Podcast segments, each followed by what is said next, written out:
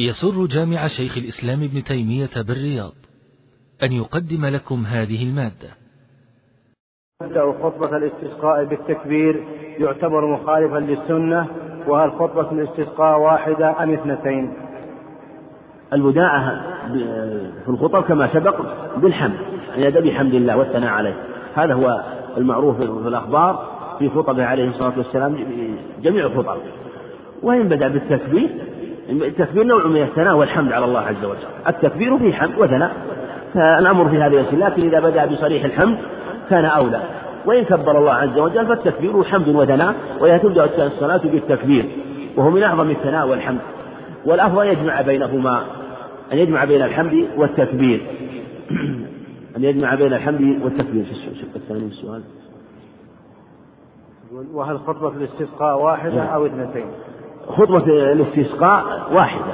خطبة الاستسقاء واحدة ليست خطبتين. نعم لم يقل أنه خطب عليه الصلاة والسلام خطبتين بل هي خطبة واحدة. نعم. أحسن الله إليكم. وهذا أيضا سؤال من الشبكة. يقول كيف يكون قضاء الفائتات من صلاة الاستسقاء وصلاة العيدين؟ صلاة العيدين هل يشرع قضاءهم لا يشرع هذا موضع خلاف في قضائها. أما إذا كان القضاء من جميع الناس مثل أن يكون فاتهم يوم العيد فاتهم يوم العيد ولم يدركوا يوم العيد فكما ثبت في حديث أبي عمير بن أنس مالك عن عمومة الله أنه جاركم من آخر النار فشهدوا أنهم رأوا الهلال بالأمس فأمر عليه الصلاة والسلام الناس أن يفطروا وأن يغدوا إلى مصلاهم من الغد كما ثبت في الخبر عند أبي داود وغيره سبق معنا. فهل هو المشروع؟ أنهم أنهم أنهم يقضون صلاة أنهم يصلون صلاة العيد. وهل هي قضاء مدى الأمر في هذا يسير فيقضونها جميعا ويصلونها. أما إذا كان القضاء من البعض هذا موضوع خلاف. القضاء من البعض هذا موضوع خلاف. ذهب جمع من العلم لا بأس من القضاء. لا بأس من قضاء صلاة العيد. وجاء عن المسعود أنه يصليها أربعا. ربما يشهد له أنه عليه الصلاة والسلام كان إذا صلى العيد صلى بعدها ركعتين. إذا انصرف كما حديث أبي سعيد الخدري معنا عند ابن ماجه وغيره. فإذا على هذا إذا فاتته صلاة العيد صلىها على هيئتها صلىها على هيئتها. وكذلك صلاة الاستسقاء أما صلاة الاستسقاء فالأمر فيها أيسر لأنها نوع حاجة ونوع طلب ودعاء فلهذا لا بأس إذا فاتت أن تصلى سواء كان في المصلى أم في البيت. نعم. ويسأل أيضا أحسن الله إليكم عن الفائتة من صلاة الكسوف. الكسوف إذا فات وقتها فاتت ما عتب الكسوف في وقتها فإذا كان فاتته الصلاة في الكسوف بمعنى أنه جاء والناس قد صلوا والكسوف لا زال موجود فيصلي الكسوف. يصلي. وإن كان لا أن فاتت الصلاة وفات الكسوف قد انجلت الشمس فقد ذهب سببها فلا يصلي الكسوف. فصلاة الكسوف بسببها فهو يصلي الكسوف إذا كان السبب إذا كان موجودا. فالجماعة يصلون. ولو أن إنسان جاء إلى المسجد الناس قد صلوا فيصلي في المسجد أو يصلي في بيته. وكذلك النساء يصلين في في بيوتهن فلا بأس من الصلاة إذا كان الكسوف موجود. أما إذا آه، جاء وقد صليت صلاة الكسوف وقد انجلت الشمس فلا يصلى لأنه لا تشرع الصلاة حينئذ لعدم وجود سببها وهو وجود الكسوف.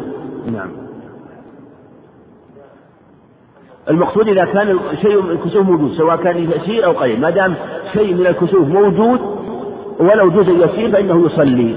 نعم. وهذا أيضا سؤال من الشبكة يقول هل يدخل في حكم الحرير آه، في حكم الحرير الثياب المصنوعة من السلك المسمى مجازا حريرا ينظر إذا كان بما أن الحرير حقيقة فالعبرة بالمعاني.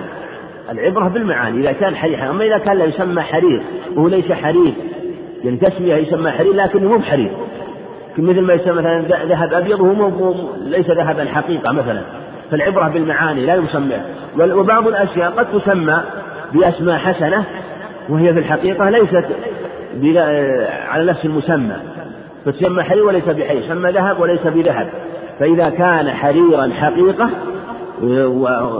فهو حرير ويأخذ حكم الحرير. نعم.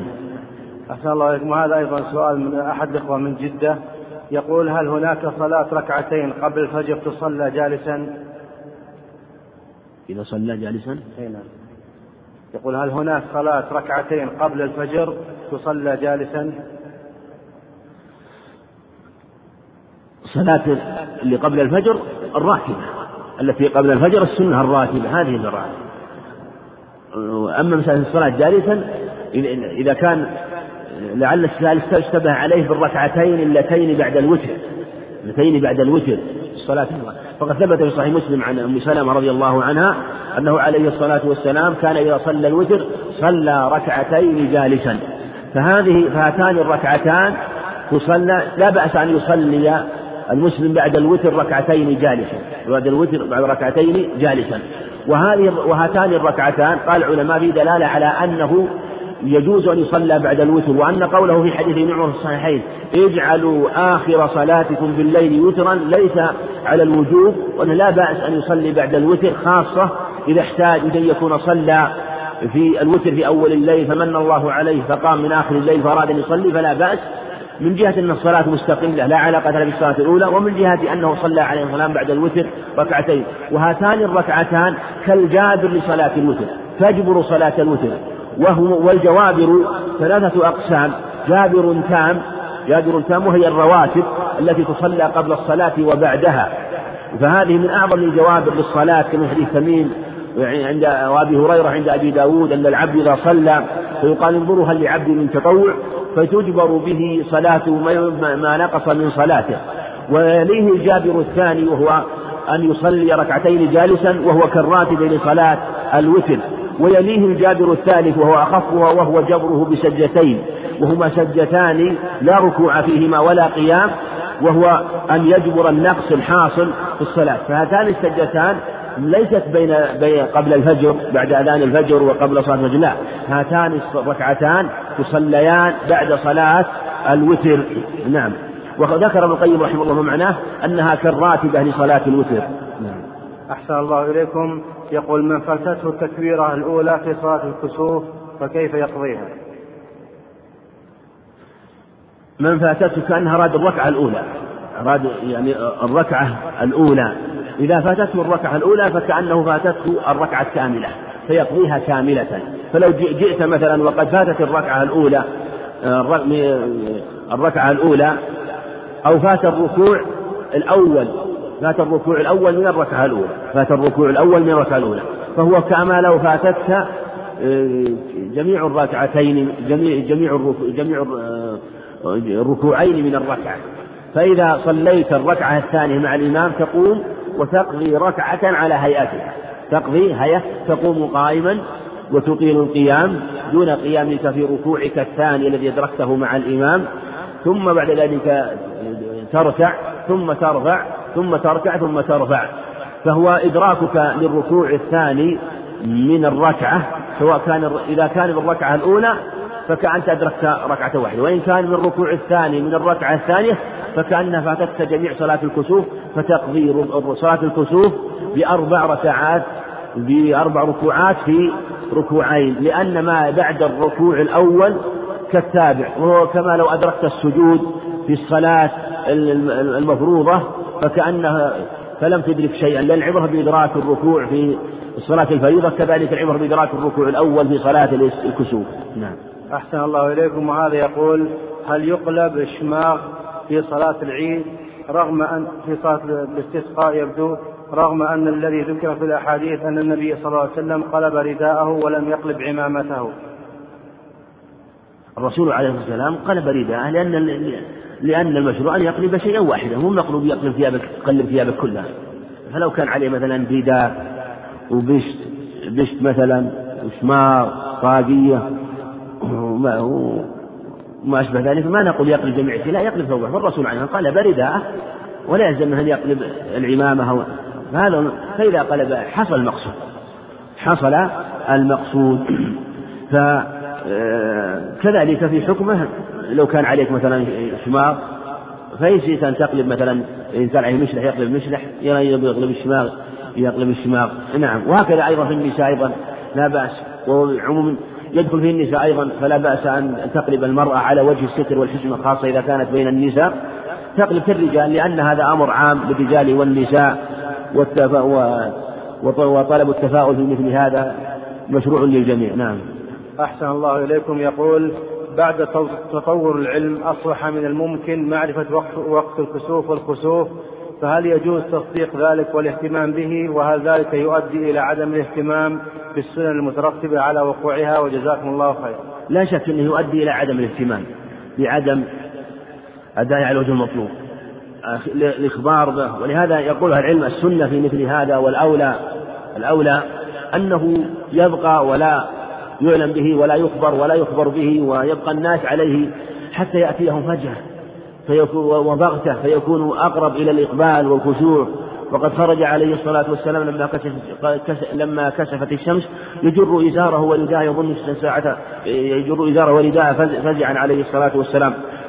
هذا هو السنة وهذا هو الأولى. ولا شك أن الناس ربما تساهلوا بمثل هذا بل إنه قد يقع مثل الناس عند بعض الناس ما هو أعظم من هذا. وأذكر أني في مرة من المرات صليت في المسجد وكان قد أعلن عن كسوف عن كسوف القمر. صليت صلاة العشاء في مسجد فلما صليت بعد صلاة العشاء رأيت كثير من الناس يستبشرون يقول الليلة خسوف القمر يضحكون يستبشرون. خسوف القمر اليوم سوف يخسف الساعة كذا. وكأنه استبشار وكأنه ولا شك آه، وكأنه يهني بعضهم بعضا. وهذا وهذا من من مساوئ إعلان هذا إخبار هذا الشيء والإعلان به. فكونه يأتي فجأة و يكون أولى وأكثر. ومما ينبه له أنه لا ينبغي لمن إذا علم الكسوف مثلا أو أخبر به لا ينبغي مثلا إشاعة بين الناس أو يقول مثلا الذي يصلي من الإمام وغيره يبلغ الناس يقول الكسوف سوف يحدث في ساعة كذا الوقت الفلاني كذا. فيكون نوع تحر على وجه الاستقبال له بدون أخذ الخشوع والإخبات بل يكون يعمل بصورة وإن لم يعمل مثلا به أن يأتي على على جهة الغفلة على على على جهة الفجأة أن يكون على صورتها على صورتها وإن علمه الناس. وكونه مثلا وكونه مثلا يعلم ويعلمها المراصد ويعلمونه لا ينافي أنه آية. والعلم به ليس من العلم الحديث العلم به ليس من العلم الحديث. هو من العلم القديم. العلم القديم هو معروف منذ قرون. وقد ذكر هذا العلماء قديما ومنذ قرون كثيرة وكانوا يخبرون بكسوف الشمس لأن الكون جاري على سنن ثابتة مستقرة. والله سبحانه وتعالى أجرى أمر الكون على هذا. فالشمس تخرج في وقت محدد كل يوم. وطلوع القمر وكذلك سائر الكواكب. وكذلك معتاد في سنة الله عز وجل أن وقت البرد والشتاء له وقت محدد. ووقت نزول الأمطار له وقت محدد والناس ينتظرونه ووقت الصيف له وقت محدد فالكون منتظم ومرتبط ومحكم.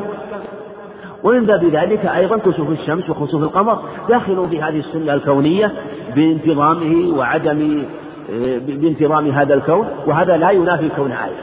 كونه آية من آيات ومن أعظم الآيات طلوع الشمس والقمر وما يكون في الكون كأنها آيات عظيمة. وكذلك الرياح لها أوقات محددة وهي آيات عظيمة. وربما علم الناس بوقوعها وربما حصل بها عذاب وربما حصل بها فيضانات ولا يلزم أن ولا يفوت أو أن أن تكون من الآيات العظيمة ككسوف القمر وخسوف ككسوف خسوف القمر والشمس. نعم. أحسن الله إليكم. يقول ما حكم الاستسقاء في دعاء القنوت في صلاة التراويح والقيام في رمضان؟ دعاء؟ دعاء القنوت في رمضان. المعروف في الاستسقاء بهذه الصفات المنقولة وإذا استسقى في دعاء القنوت يظهر له لا بأس لأنه استسقاء في صلاة. استسقاء في صلاة. معنى معنى دعاء. معنى دعاء أنه يدعو. فلا بأس من الدعاء وهو جنس والرسول عليه الصلاة والسلام قال يتخير من المسألة ما شاء يتخير من المسألة أعجبه إليه. أحسن الله إليكم. وهذا سؤال من الشبكة. يقول هل جزيرة العرب حدودها جغرافيا تختلف عن حدودها شرعا؟ أي التي تكلم عنها؟ هل حدودها جغرافيا؟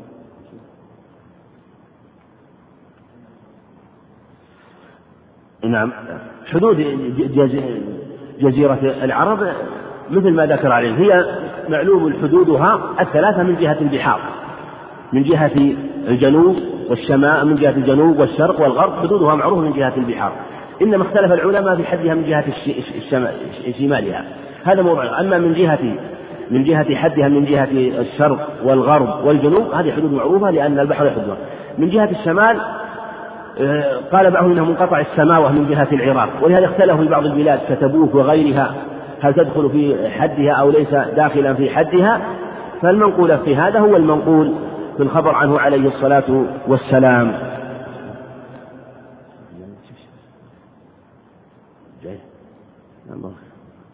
والله أعلم وصلى الله وسلم وبارك على نبينا محمد. الحمد لله رب العالمين والصلاة والسلام على نبينا محمد وعلى آله وأصحابه وأتباعه بإحسان يوم الدين. أما بعد فيقول الإمام الحافظ ابن حجر رحمه الله تعالى كتاب الجنائز. الجنائز جمع جنازة أو جنازة وهي الميت أو السرير الذي يوضع عليه الميت وهي مصدر جنز يجنز جنازة وجنازة بمعنى إذا ستر جنز ستر الميت يستر بالثياب التي يلف فيها فلأجل هذا سميت سمي الميت جنازة أو جنازة.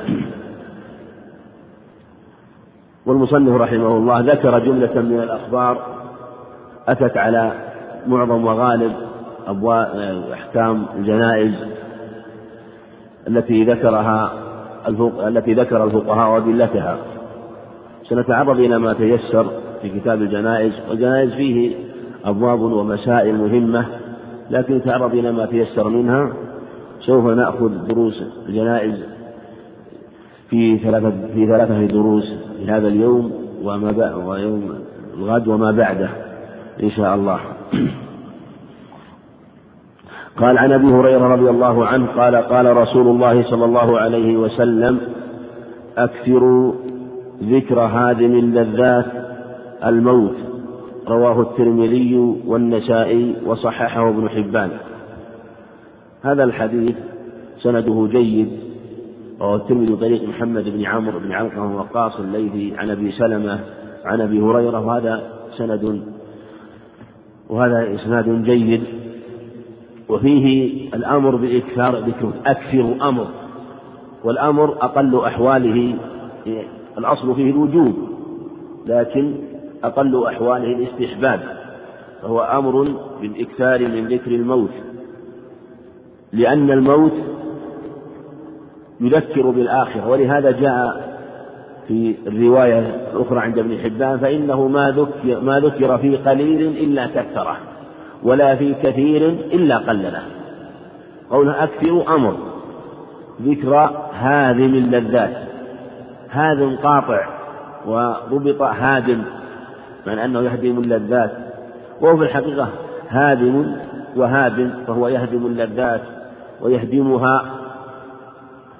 وذكره يكون بالقلب واللسان يذكره بلسانه و يذكره بقلبه أن يتأمل في الموت وأحوال الموتى وما بعد الموت من البرزخ والبعث والنشور وما أشبه ذلك من أحوال الآخرة فهو حري أن يستعد. ولهذا شرع للعبد أن يكون حسن الظن بربه كما قال عليه الصلاة والسلام في حديث جابر عند مسلم لا يموتن أحدكم إلا هو يحسن الظن بالله. وهذا إذا وقع من العبد فإنه لا يكون إلا عند ذكر الموت. والموت حالة ضعف للإنسان فشرع أن يذكره وأن يحسن ظنه بربه وأن يكون رجاؤه لرحمته وخوفه من عذابه واحد. فهما كالجناحين للطائر لا يطير إلا بهما. ويكون حسن ظنه بالله عز وجل أقوى ما يكون عند الموت وعلامات الموت. وعن أنس رضي الله عنه قال قال رسول الله صلى الله عليه وسلم لا يتمنين أحدكم الموت لضر نزل به نزل به. فإن كان لا بد متمنيا فليقل اللهم أحيني ما كانت الحياة خيرا لي وتوفني اللهم أحيني ما كانت الحياة خيرا لي وتوفني إذا إذا كانت الوفاة خيرا لي. هذا الخبر عن أنس له شاهد أيضا من حديث أبي هريرة في معناه وهو النهي عن تمني الموت. لا يتمنين نهي مؤكد من توكيد الثقيلة. أحدكم الموت بضر نزل بضر نزل به. فلا فلا يتمنى الإنسان الموت بضر نزل به شدة مرض أو مصيبة نزلت به بموت قريب أو فقر أو ما أشبه ذلك من المصائب النازلة. وظاهره يشمل جميع أنواع الضرر في الدين والدنيا. وذهب جمع من العلم إلى أنه لا بأس أن يتمنى الموت عند نزول الضرر في الدين. وأنه إذا حلت الفتن وكثر الفساد وصار العبد لا يد له بهذه الأمور أو خشي الفتنة على نفسه أو خشي الفتنة في دينه فلا بأس أن يتمنى الموت لأنها حالة حسنة وحالة طيبة من جهة أنه يخشى من الفتنة. قال الإمام أحمد أنا أتمنى الموت صباحا ومساء بما حصل من الفتن في وقته. فإذا كان هذا في وقته فقد يحصل ما من الفتن في الدين التي يخشى العبد أن يفتن فيها فإذا تمنى لأجل أن يلقى ربه على على دين على دينه مستقيما فلا بأس به. لكن مهما أمكن إذا كان يمكن أن يدفع هذا الشر والفساد كان هو الأولى. وهو مقيد ما إذا خشي من الفتنة. وهذا أمر نسبي قد يكون لبعض الناس خشية الفتنة قريبة أو ربما تكون حاصلة ولغيره ربما يدفعها بقوة إيمانه أو علمه أو من يعينه من إخوانه فالأحوال مختلفة اختلافا كثيرا لضر نزل به. والدليل على هذا ما جاء في الأخبار الدالة على أن تمني الموت لأجل فتنة في الدين لا بأس به. ولهذا في حديث معاذ رضي الله عنه عند أهل السنن وغيرهم قال وإذا أردت بعبادك فتنة فاقبضني غير مفتون. سأل أن يقبض عند وجود الفتن. وفي رواية عند النسائي قال لضر نزل به في الدنيا. دل على أن المراد بالنهي عن تمني الموت إذا كان الضر في الدنيا. وقالت مريم يا ليتني مت قبل هذا. وكان الجمع من السلف يتمنون يتمنون الموت بأحوال عرضت لهم. بل جاء عمر رضي الله عنه كما في الموطأ أنه قال اللهم قد كبرت سني وضعفت قوتي وانتشرت رعيتي فاقبضني إليك غير مفرط ولا مريع. فما تتامد الشهر أو فما تناهى الشهر إلا وقبض رضي الله عنه. وجاء عن بعض السلف يروى عن عليم الكندي أو عن عابس أو عبس الغفاري أنه تمنى الموت فقال له عليم الكندي ألم يقل رسول الله صلى الله عليه وسلم لا يتمنين أحدكم الموت أو قال نهى عن تمني الموت. قال إني سمعت رسول الله صلى الله عليه وسلم لا قال في مسألة الفتن في مسألة بادروا بالموت ستا ذكر أنه ذكر الفتن وقال بادروا بالموت ستا وجاء أيضا عن عوف مالك وجماعة من السلف. فالمقصود أنه إذا كان لأجل فتنة في الدين فلا فهو لا بأس به وربما كان حالا محمودة إذا ترى إذا اشتد الأمر. وقد ثبت في صحيح مسلم عن عنه عليه الصلاة والسلام أنه قال لا تقوم الساعة حتى يمر الرجل بقبر الرجل فيتمره عليه ويقول يا ليتني مكانك. قال ما به الدين. ما به الدين. إنما مما يشتد به ويعرض له من, من الشدة في أمر دنياه. إما لشدة مرض أو لشدة فقر. فمفهومه أنه لو كان للدين لكانت حالا حسنة فإن كان لابد لابد يعني لا محالة.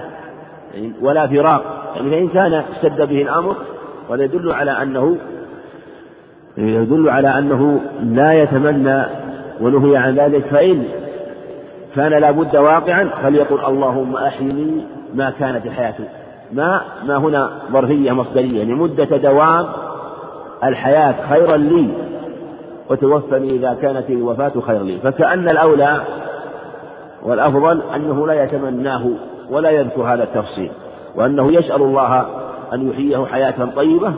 ولهذا في صحيح صحيح مسلم عن أبي هريرة أنه قال لا يتمنى لا يتمنى أحدكم الموت ولا يدعو به من قبل أن يأتيه فإنه لا يزيد المؤمن عمره إلا خيرا.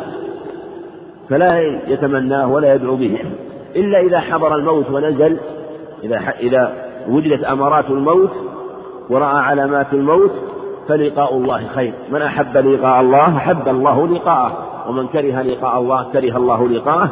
وهذا لا ينافي الأخبار الدالة على النهي لأن هذا النهي في حال الحياة والصحة وفي حال حياته. يعني قبل نزول في حال حياته قبل نزول الموت. لكن إذا رأى علامات الموت ودلائل الموت فإنه في هذه الحالة يحب لقاء الله. إذا يحب لقاء الله ومن أحب لقاء الله؟ أحب الله لقاءه. وعن بريدة رضي الله عنه أن النبي صلى الله عليه وسلم قال المؤمن يموت بعرق الجبين رواه الثلاثة وصححه ابن حبان. هذا الحديث رواه الترمذي والنسائي وصححه ابن حبان كما ذكر المصنف. وطريقه عند الترمذي والنسائي مجموعهما لا بأس به. وفيه قال المؤمن يموت بعرق الجبين المؤمن يموت بعرق الجبين قوله بعرق الجبين اختلف العلماء فيه على تأويلين. التأويل الأول أن المر... أنه أنه وصف لحالة المؤمن في حال الحياة وأنه ما يكون في الحياة في حياته ملازما للطاعة وملازما للخير من صلاة وصيام. وكذلك يجتهد ويكدح في طلب الحلال. يقصد بذلك أن يعف نفسه ويعف من يمونه من أهله وأولاده فهو وصف لحال فتكون فيكون الجار والمجرور صفة صفة له. والتأويل الثاني أن قوله يموت بعرق جديد أنه حال الموت تكون فيكون بعرق الجار والمجرور هنا جملة حالية. يقول يعني حال كونه يموت بعرق الجبين المؤمن يموت على حالة عرق الجبين أو حالة أو حالة يكون يكون فيها جبينه أو يعرق فيها جبينه. بمعنى أن الشدة التي تصيبه عند الموت أن الشدة تصيبه عند الموت لأجل أن يختم له بخير وأن تكون هذه نوع من المصائب التي يختم بها تختم بها حياته ويكون فيها تكفير ورفعة لدرجاته. وهذا أقرب أنه يموت بعرق الجيم من جهة ما يعرض من الشدة للميت. وقد كان عليه الصلاة والسلام أو في حال موته حصل له من شدة الموت ما حصل. ولهذا ثبت في الصحيحين عن عائشة رضي الله عنها أنها قالت لما حضره الموت وكان عنده ركوة يعني علبة من جلد فيها ماء فجعل يأخذ الماء منها ويمسح وجهه عليه الصلاة والسلام ويقول لا إله إلا الله إن للموت سكرات في لفظ آخر عند الترمذي إن للموت سكرات إن للموت غمرات. في لفظ آخر قال اللهم أعني على سكرات الموت. قالت عائشة رضي الله عنها كما في رواية أخرى لا أغبط أحدا بهون موت بعد الذي رأيته من رسول الله صلى الله عليه وسلم. قالت لا أغبط أحدا لا أرى أن الموت إذا نزل بأحد وكان هينا ولينا ولم يحصل له شدة لا أراه غبطة لا أغبطه بذلك ولا أرى أنه يدل على حسن الحال لأنه وقع لرسول الله صلى الله عليه وسلم من الشدة ما وقع. وهذا لا ينافي قد يكون الإنسان في حال حسنة ويكون موته ميسرا ويحصل من الاستبشار في حال موته مع الشدة. لا تنافي قد يحصل له من الشدة ومن سكرات الموت والسكرات هي الغشي الناشئ عن شدة الألم. الغشي الناشئ عن شدة الألم فتحصل تلك السكرات وكان إذا فاق عليه إذا فاق عليه الصلاة والسلام قال اللهم أعني على سكرات الموت. حتى قدره يقول في الرفيق الأعلى في الرفيق الأعلى صلوات الله وسلامه عليه. فالمقصود أن أنه لا ينافي أنه يحصل له من الشدة ما يحصل ثم هو يظهر من حاله الحال الحسنة من تبسم أو من لين من من جهة أنه أن ما يراه في الموت من بشرى الملائكة وما يراه من من محبته للقاء الله عز وجل في هذه اللحظات في آخر يوم من أيام الدنيا وأول أو في آخر ساعة من ساعات الدنيا وأول ساعة من ساعات الآخرة هذه هذه البشرى العظيمة تغمر الألم وتنسيه الألم وتجعله في حال حسنة. فقد المقصود أنه قد يجتمع هذا وهذا واجتماعها للمؤمن هو الخير وهو الحالة الحسنة. وعن أبي سعيد وعن وعن أبي سعيد وأبي هريرة رضي الله عنهما قال قال رسول الله صلى الله عليه وسلم لقنوا موت لقنوا موتاكم لا إله إلا الله رواه مسلم والأربعة. هذا في الأمر بتلقين الموت. لقنوا موتاكم لا إله إلا الله. وقد وزاد ابن حبان وجماعة بإسناد جيد فانه فإنه من كان آخر كلامه لا إله إلا الله. يوما من من دخل الجنة من كان آخر كلامه لا إله إلا الله. يوما من الدهر دخل الجنة وإن أصابه ما أصابه. فهذا يبين أن الموت على هذه على هذه الكلمة نعمة عظيمة. لقي وأمر وظاهر الأمر الوجوب. ولم يأتي من الأدلة ما يدل على صرفه عن وجوبه. الظاهر أنه يجب على من حضر الميت أن يلقنه بالأمر منه عليه الصلاة والسلام بقوله لقنوا ولأنها حالة الميت لا شك أو المحتضر يحصل له من الضعف وربما من شدة المرض وما يعرض له في هذه الحالة ما يحتاج إلى المساعدة وأولى أن تكون الإعانة للميت في هذه الحال. فالظاهر أنه واجب وهذا لو عرض للإنسان في حال حياته واحتاج إلى إنسان أنه يتأكد إعانته في حياته في أموره في عموم أموره. فكيف في هذه الحال؟ ثم هي ثم هو مؤونته يسيرة مؤونته يسيرة وليس فيه أي مشقة وهو خير وهو التوقيت. لقنوا موتاكم لا إله إلا الله. وجاء في اللفظ الآخر عن حديث معاذ رضي الله عنه أنه عليه الصلاة والسلام قال من كان آخر كلامه لا إله إلا الله دخل الجنة. وفي صحيح مسلم عن عثمان من مات وهو يعلم أنه لا إله إلا الله دخل الجنة. لكن لو أن الإنسان مات ولم يقولها لا يدل على شقاوة لا يدل على شقاوة. فمن مات على فمن عاش عليها فمن عاش على هذه الكلمة مات عليها. قال عليه الصلاة والسلام في جابر من مات على شيء بعث عليه. لكنها من دلائل الخير والسعادة والبشرى للميت وكذلك لمن يلي الميت. فهذه الكلمة كلمة عظيمة وكان السلف وهل يعتنون بتلقين الميت هذه الكلمة؟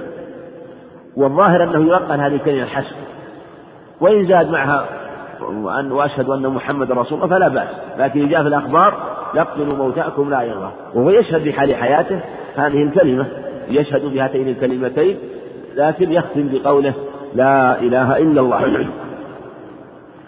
وروي عن بعض السلف أو روي عن أبي زرعة الرازي أو أو أبي حاتم الرازي أنه لما حضره الموت واشتد عليه تذاكر بعض أصحابه عنده حديث معاذ بن جبل رضي الله عنه من كان آخر كلامه لا إله إلا الله دخل الجنة. فهابوا أن يلقنوه فتذاكروا هذا الحديث حتى يتذكر هذه الكلمة ويقولها. فلما عرضوا لهذا الخبر وعرضوا لإسناده حصل لبعضهم خطأ في في أسانيد في إسناد هذا الحديث. فانتبه رحمه الله مع أنه في حال شدة شدة الاحتضار فساق السند سليما صحيحا وساقه عن معاذ بن جبل. قال قال رسول الله صلى الله عليه وسلم وهو يتكلم بهذا في حال النزع أو أو قريب من النزع من كان من كان آخر كلامه لا إله إلا الله. فلما فرغ منها وانتهى وانتهى عند حرف الهاء قبضت روحه رحمه الله ورضي عنه. فالمقصود أنه يذكر عند هذه الكلمة معنى أنه يقال لا إله إلا الله ولا يشدد عليه ولا يكثر عليه من الكلام لأنه ربما يضجر فيتضايق فيقول كلاما لا يليق. فيتكلمون عنده بهذه الكلمة وإذا رأى منه حسن إذا رأى منه مثلا أنه أنه غير ضجر وغير متضايق تلقنه وقال له قل لا إله إلا الله رأى من حاله أنه يقبل مثل هذا قال. فمن عند الميت يراعي حال الميت وينظر المصلحة والأحسن له.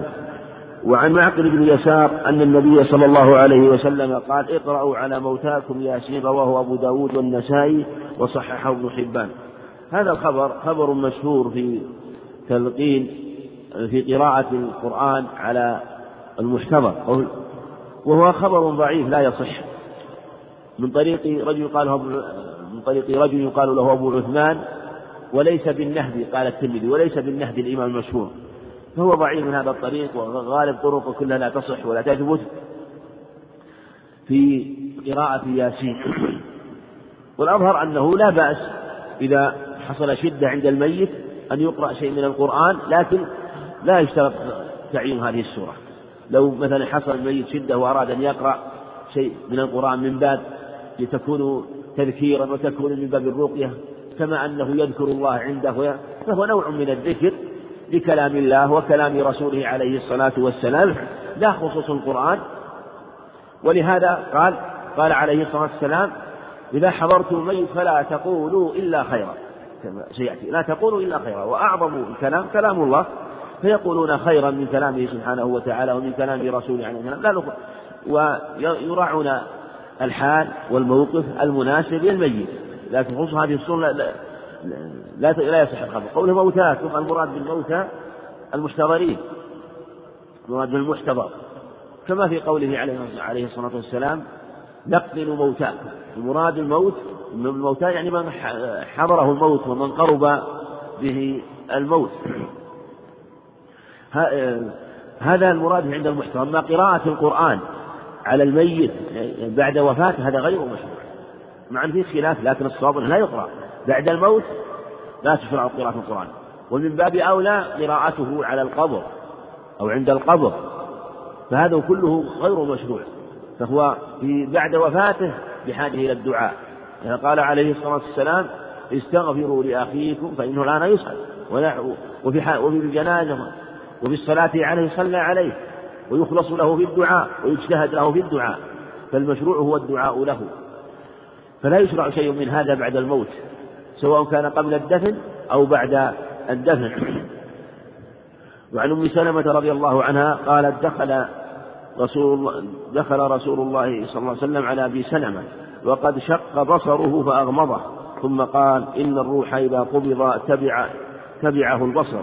فضج ناس من أهله فقال لا تدعوا على أنفسكم على أنفسكم إلا بخير فإن الملائكة تؤمن على ما تقولون. ثم قال اللهم اغفر لأبي سلمة وارفع درجته في المهديين وافسح له في قبره ونور له فيه وأخلفه في عقبه رواه مسلم. وهذا من الآداب التي تشرع عند الميت. أولها وهي آداب معلومة في الأخبار وجاء في هذا الخبر أنه عليه الصلاة والسلام لما دخل على أبي سلمة بن عبد الأسد وتوفي في السنة الرابعة للهجرة قال الله وقد شق بصره. وقد شق بصره يعني أنه ارتفع بصره إلى جهة السقف ارتفع إلى فوق وظهر بياض العينين فأغمض عينيه عليه الصلاة والسلام. وهذا هو السنة أنه أن تغمض عيناه لأنه يقبح منظرهما. ولا يكون حسنا في حق الميت. وكذلك أيضا يسن أن يغلق فمه ويسكر يغلق فمه حتى لا ينفتح لأنه إذا شرع إغلاق العينين فالفم أيضا يقبح من باب أولى أن يكون منظره أن يكون منظره غير حسن. وثم أيضا ربما نزل شيء من الماء الهوام في جوفه وربما تأذى والميت يشرع صيانته وحرمته باقية. ولا يستطيع الدفع عن نفسه فمشروع السعي في مصلحته. ثم قال إن الروح إذا قبض تبعه البصر. يتبع البصر يتبع الروح ينظر إلى أين تذهب. الروح لها أحوال الله أعلم بها. حال حال الروح حال, حال الروح حال عظيم بعد بعد الموت. فهي أرواح فهي فهي متفاوتة تفاوتا عظيما كتفاوت أعمال أهلها في الدنيا. فمنها أرواح تكون في أعلى عليين. ومنها أرواح تكون محبوسة على باب الجنة ومنها أرواح تكون عند نهر في الجنة كما ورد في الخبر بهذا ومنها أرواح ربما كانت في هذا على القبر أو عند القبر فأرواحهم الأرواح متفاوتة بحسب تفاوت الأعمال ومنازل الأعمال في الدنيا لأنه ينزل روحه منه بقدر تنزيل العمل الذي يعمله في في في في, في ينزل روحه في الآخرة بقدر عمله في الدنيا واجتهاده. فكلما كان العمل مرتفعا وحسنا كلما كانت الروح مرتفعة وحسنا. ثم ضج ناس من أهله. حصل منه صياح لما علموا أنه قد مات ثم قال لا تدعوا على أنفسكم إلا بخير فإن الملائكة تؤمن على ما تقولون. يشرع عند الميت أن يكون الأدب الحسن وأن يكون ولا يحصل ضجة ولا صوت ولا صياح ولا صخب. وهذا معلوم من الأخبار النهي عن العويل والنوح ثم قال اللهم اغفر لأبي سلمة. دعا عليه الصلاة والسلام بالكلمات النافعة العظيمة لأبي سلمة دعا له. اللهم اغفر لأبي سلمة وارفع درجته في المهديين. وارفع درجته في المهديين. وافسح له في قبره. ونور له فيه وأخلفه في عقله دعوات عظيمة. دعا له بخير الدنيا دعا له بخير ما يكون في الآخرة. ثم دعا له أيضا أن يخلفه في عقله وجاء في اللفظ الآخر من حديث شداد بن أوس أنه عليه الصلاة والسلام قال إذا حضرتم الميت فأغمضوا عينيه. فتضافرت السنة الفعلية من فعله عليه الصلاة والسلام أنه يشرع أن تغمض عيناه. ومن سنته القولية الأمر بذلك حيث أمر بأن أن تغمض عيني الميت. وعن عائشة رضي الله عنها وفي قوله فإن الملائكة تؤمن على ما تقولون يدل على أن هذا الموطن من من المواطن التي تتحرى يتحرى فيها إجابة الدعاء. يعني قال فإن الملائكة تؤمن على ما تقولون. فلا تقولوا إلا خيرا. وأعظم ما يكون الدعاء للميت في هذه الحال فإنه بأشد الحاجة إلى مثل هذا. وعن عائشة رضي الله عنها أن النبي صلى الله عليه وسلم حين توفي سجي ببرد حبرة. متفق عليه. فإذا مات الميت يشرع يسجى ببرد حبرة. يعني يسجى ببرد بأي يعني مراد بأي غطاء أو كساء يغطى به الميت معنى أنه تنزع عن ثيابه التي عليه إذا خشي أن يحمى جسده وأن يتغير. ربما كان عليه شيء من الملابس ولبس ملابس وبعد الوفاة فقد يحمى جسده وقد يتغير ويحصل له شيء من الفساد لبدنه فيجرد فتزال ثيابه ويغطى بشيء بكساء بخرقة تستر جميع بدنه. ثم بعد ذلك يشرع في غسله يشرع في في شأن الميت.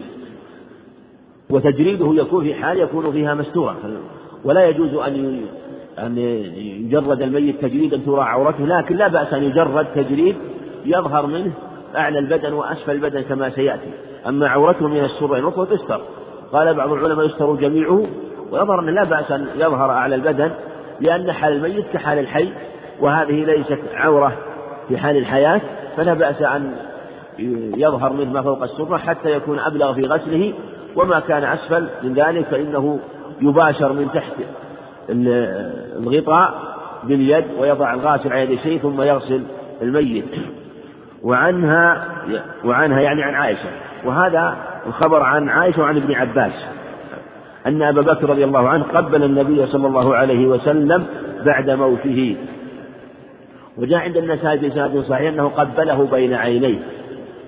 وجاء أنه عليه الصلاة والسلام قبل عثمان بن مضعون عند أبي داود. فيدل على أن لا بأس أن يقبل الميت كما فعل أبو بكر رضي الله عنه. وقد مات عليه الصلاة والسلام في يوم الاثنين وكان أبو بكر في دار له في السنح وقد تواصل المرض بالنبي عليه الصلاة والسلام عدة أيام ومعلوم حاله في الأخبار وخروجه في بعض الأحيان وبقاؤه في البيت وصلاته في البيت عليه الصلاة والسلام. فلما كان في ذاك اليوم وتوفي وكان أبو بكر غائبا رضي الله عنه أو كان في السنح دار له قريب من المدينة فلما أن أنهم رأوا حال النبي عليه الصلاة والسلام حتى شك بعض الناس في موته ووقع من عمر ما وقع رضي الله عنه مع شدته وقوته وقع منه ما وقع حيث قال إنما إنه سيعود ويقتل ناسا وروي عنه أنه كان يقول لئن قال أحد أو قال أو تكلم أحد بأنه مات لأضربنه قال لأقتلنه وحصل للناس شدة في وفاته عليه الصلاة والسلام حتى أن بعضهم وسوس من شدة المصيبة وهولها وبعضهم لزم البيت وبعضهم ذكروا أحوالا كثيرة عنهم رضي الله عنهم. وهذه لا شك حال لا يستنكر في في وفاته عليه الصلاة والسلام. فخرج أبو بكر عمر رضي الله عنه أمام وجعل يتكلم. ثم جاء أبو بكر من دار له بالسلح فدخل إلى النبي عليه الصلاة والسلام في بيت عائشة. لأنه قال توفي في بيتها وفي يومها وبين قالت توفي في بيتي وفي يومي وبين حاقنتي وذاقنتي وجمع الله بين ريقه وريقها في آخر يوم من أيام الدنيا وأول يوم من أيام الآخرة. فدخل رضي الله عنه على عليه عليه الصلاة والسلام ثم كشف وجهه. ثم ثم لما رآه فقال أما والله لا يجمع الله عليك الموت مرتين. أما الموتة التي قد كتبها الله عليك فقد متها. ثم أخبر أنه قد مات أنه قد مات. وذكر آه، في ذلك تلا الآية في ذلك إنك ميت وإنهم ميتون. وما محمد إلا رسول قد خلت من قبله الرسل. تلا قوله تعالى وما محمد إلا رسول قد خلت من قبله الرسل أفإن مات أو قتل انقلبتم على أعقابكم من ينقلب على عقبيه فلن يضر الله شيئا وسيجزي الله الشاكرين. فلما تلا وخرج رضي الله عنه خرج رضي الله عنه. ثم قال يا أيها الناس من كان يعبد محمدا صلى الله عليه وسلم فإن محمدا صلى الله عليه وسلم قد مات. من فضلك اقلب الشريط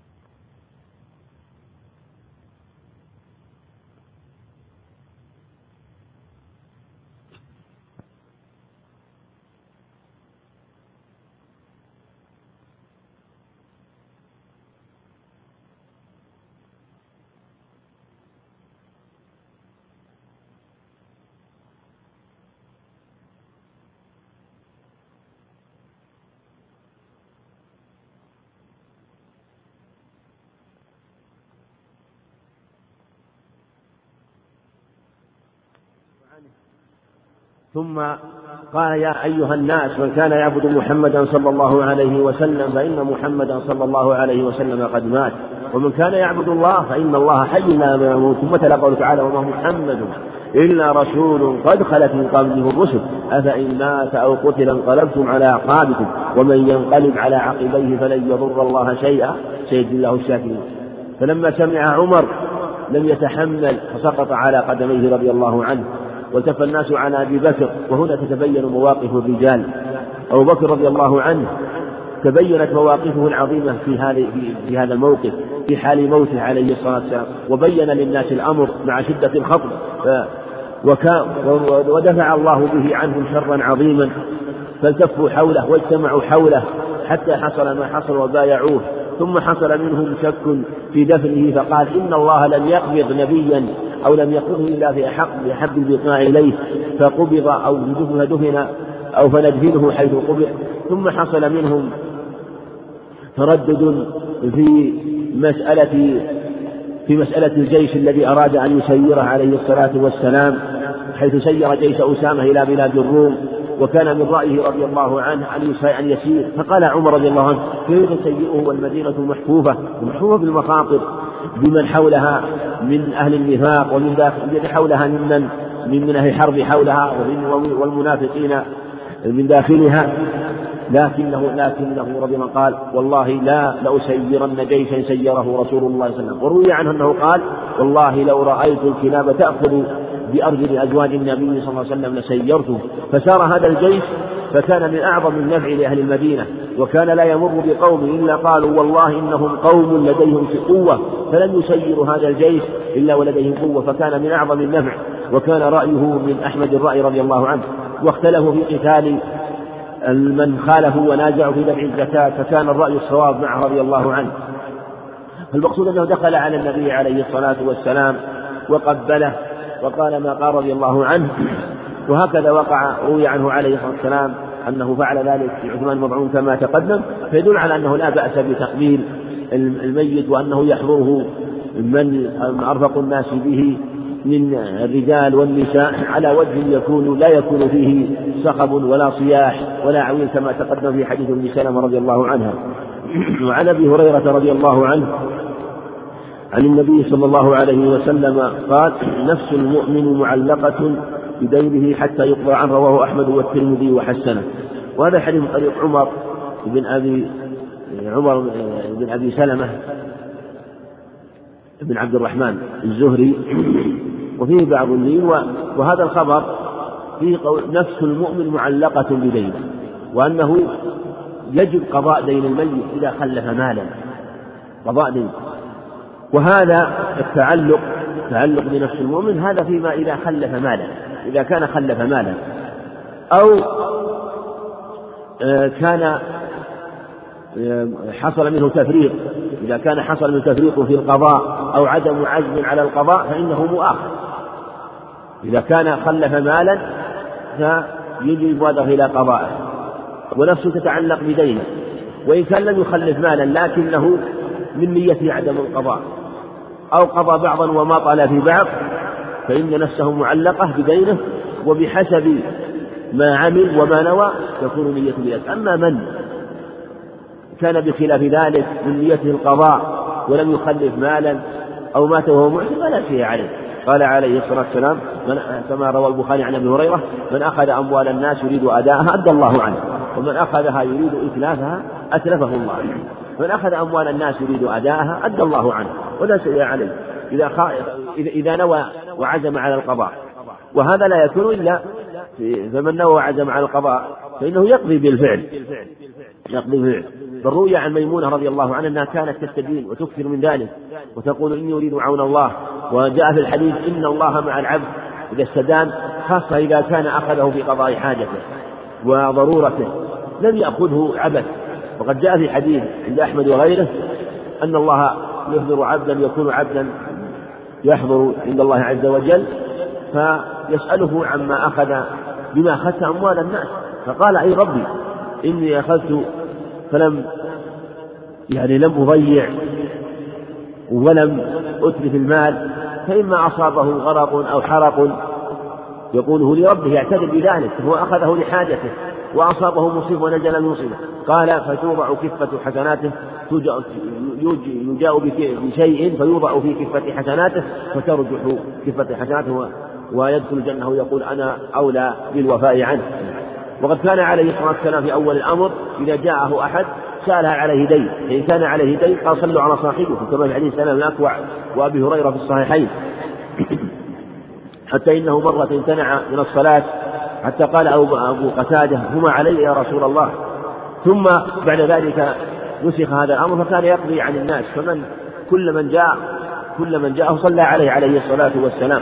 ويقول أنا أولى الناس. أو أنا أولى الناس به. ويقول من ترك مالا فلورثته. أو فللعصبة من كانوا ومن ترك كلا أو ضياعا فإلي وعلي بلفظ فيأتيني وأنا أقضيه. فكان يقضي عنه عليه الصلاة والسلام. فأمر الدين أمر شديد.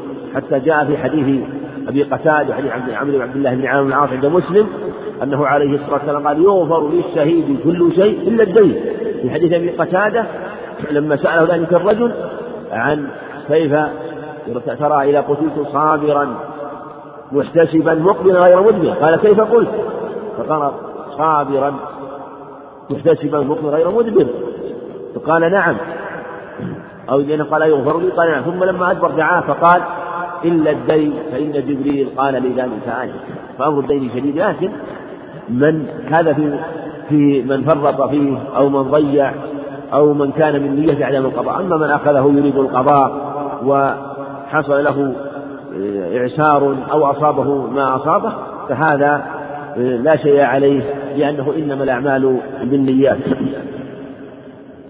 لكن عليه يسعى لكن يشرع له أن يسعى في قضاء الدين ويجتهد في قضاء الدين ولا يكون هذا سببا في في تفريطه في قضاء الدين بل عليه يسعى في قضاء الدين وحقوق الناس. وعن وعن ابن عباس رضي الله عنهما أن النبي صلى الله عليه وسلم قال في الذي سقط عن راحلته فمات يغسله بماء وسدر وكفنه في ثوبه متفق عليه. وهذا في الصحيحين من حديث عباس أن رجلا كان على راحلته فسقط فدقت عنقه مع النبي عليه الصلاة والسلام في يوم عرفة فمات. فقال عليه الصلاة والسلام اغسلوه بماء وسدر. هذا يدل على على مشروعية غسل الميت وهو, واجب. وحكى بعضهم الإجماع على ذلك. يجب غسل الميت بماء بالماء الصافي و ويضاف إليه السدر. ولا بأس يضاف إليه السدر لأن السدر يصلب البدن ويطيب الرائحة ويمنع الهوام. ففيه منافع عظيمة السدر. ويدل على أن الماء إذا تغير بالسدر ونحوه فإنه لا يؤثره ماء طهور. رافع للحدث. ماء وسدر وكفنه في ثوبيه ويدل على أنه الكفن يجزئ وإن كان في ثوبين ولا يلزم أن يكون في ثلاثة. فالواجب هو في حق الميت الستر. في حق الميت أن يستر بدنه. أما شيء يستر بدنه ولو كان ثوبا واحدا. أما المحرم فيكفن في ثوبين. الإزار والرداء وفي هذا دليل على أنه من مات وهو محرم فإنه يبقى إحرام. ولا يبطل إحرامه خلافا لأبي حنيفة ومالك. فالصواب أن إحرامه باق صحيح. وأنه يبعث ولهذا قال فإنه يبعث ملبيا. إنه يبعث يوم القيامة ملبيا. وهذا واضح في الحديث الآخر الذي سبق جابر من مات على شيء بعث عليه. لأنه مات وهو ملبي يبعث وهو ملبي. هذا يبين أن هذه حال حسنة. في من مات وهو على حال حسنة في حال إحرام أو في حال عبادة من صوم أو صلاة أو جهاد أو غير ذلك فهي حال حسنة يرجى لصاحبها الخير. وفي اللفظ الآخر قال كفروا فيها ولا تخمروا رأسه عند مسلم ولا تخمروا رأسه ووجهه فلا يجوز تخمير على الصحيح لا يجوز تخمير رأس الميت لأنه محرم إذا كان إذا مات وهو محرم. كما أنه في حال الحياة لا يخمر رأسه فكذلك بعد ذلك ووجهه أيضا لا يخمر وهذا يدل على أن المحرم أيضا لا يغطي وجهه. فإذا كان الميت لا يغطى وجهه إذا مات وهو محرم فالحي أيضا في حكمه.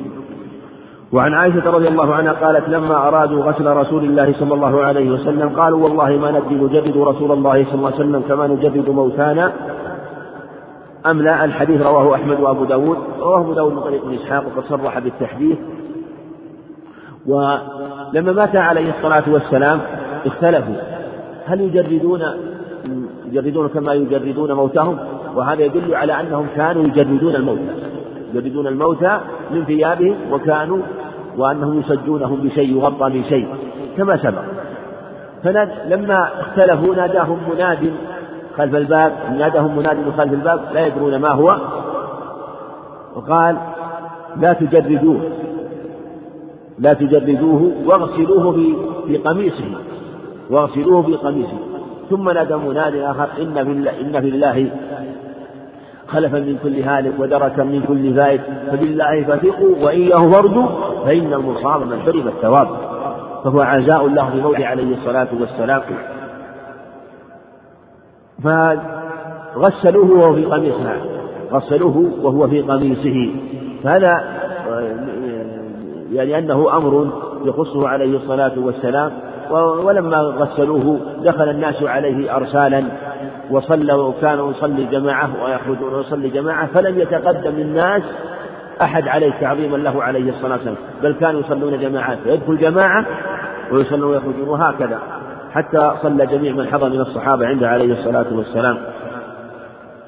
وعن أم عطية رضي الله عنها قالت دخل علينا النبي صلى الله عليه وسلم ونحن نغسل ابنته فقال اغسلنها ثلاثا أو خمسا أو أكثر من ذلك إن رايتن أو أكثر من ذلك إن رأيتن ذلك بماء وسدر بماء وسدر واجعلن في الآخرة كافورا.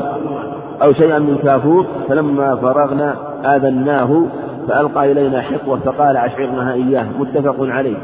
وفي رواية جاءنا بميامنها ومواضع الوضوء منها وفي لفظ للبخاري فضفرنا شعرها ثلاثة قرون فألقيناه خلفها. في هذا أيضا مشروعية غسل الميت كما سبق. وفيه أنه لما ماتت عليه الصلاة ابنته قال اغسلنها ثلاثة وهذا يدل على أنه يشرع الإكثار من غسل الميت حتى يكون أبلغ في التطهير ثلاثا أو خمسا في اللفظ الآخر أو سبعا أو أكثر من ذلك أكثر من إن رأيتن ذلك. وهذا بحسب ما يراه الغاسل بمصلحة لمصلحة لمصلحة الميت. لا بالتشهد لا بالتشهد. فإن رأى أن في المصلحة أن يزيد على على على الواحدة فيغسل ثانية وثالثة يوتر يقطع على وتر وربما غسله فبقي شيء من الوسخ في جسده وربما خرج منه شيء من الأذى فيحتاج إلى غسله فيزيد. أو أكثر من ذلك ذلك بكسر الكاف خطاب للمؤنث. إن رأيتن ذلك يعني إذا رأيت رأيتن ذلك فزدنا في الغسل. ثم قال فإذا فرغتن يعني من غسلها فأمرهن أن أن يبلغن ذلك وأن يؤذنه ذلك فأذنني يعني أبلغنني بذلك وهذا يدل على عنايته عليه الصلاة والسلام بأمر موتها.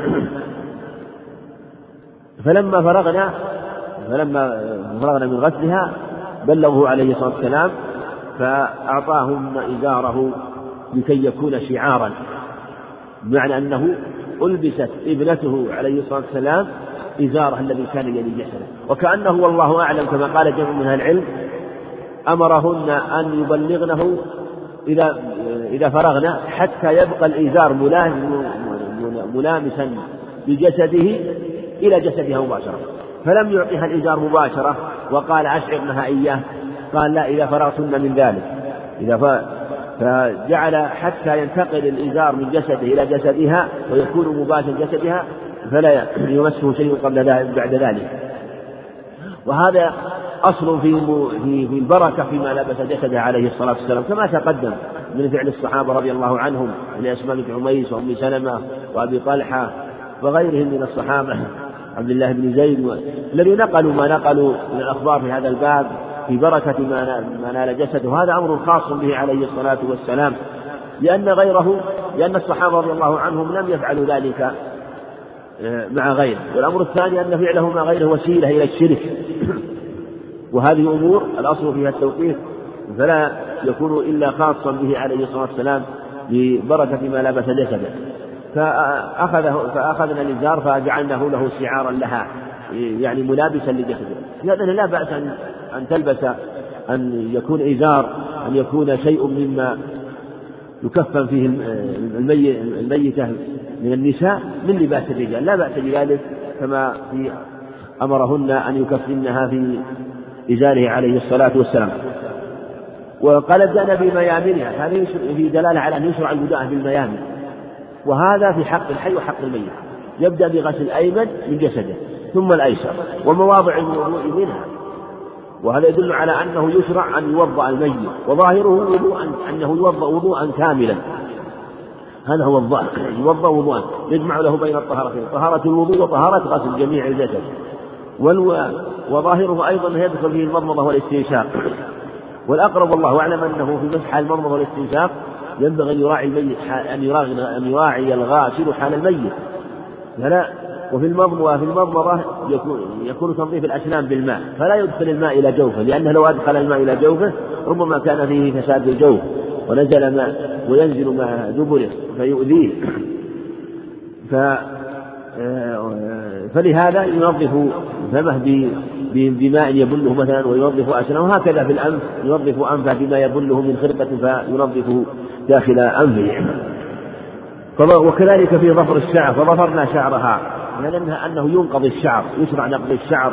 في حق المرأة. وكذلك الرجل إذا كان له جدائل يشرع أنه ينقض شعره لأنه أبلغ في تنظيفه.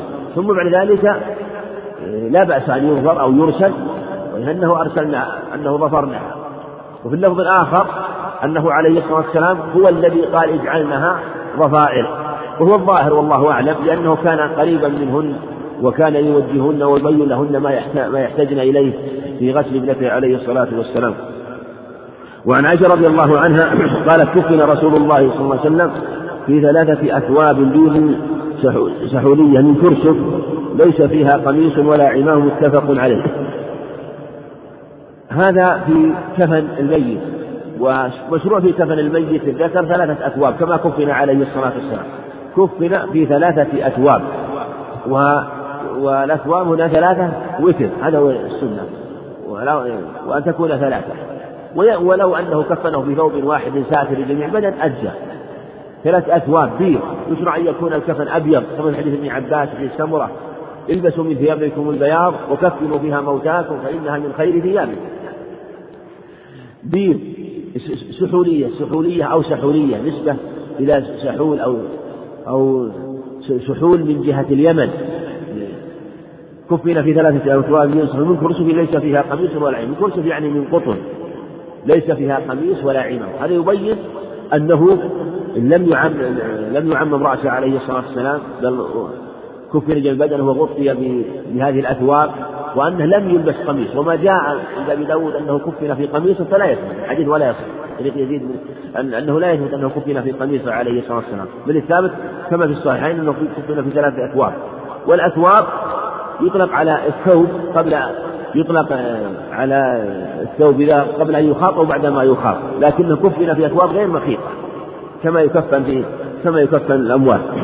ليس فيها قميص ولا ينفق وعن ابن عمر رضي الله عنهما قال لما توفي عبد الله بن أبي جاء ابنه إلى رسول الله صلى الله عليه وسلم فقال أعطني قميصا كفنوا فيه فأعطاه إياه. متفق عليه. فدل أن لا بأس يكفن الميت في قميص لا بأس. لا. أن يكفن في قميص و ويكفن في غيره فلا بأس. لكن أشار المصنف رحمه الله إلى إشارة إلى أنه لا بأس.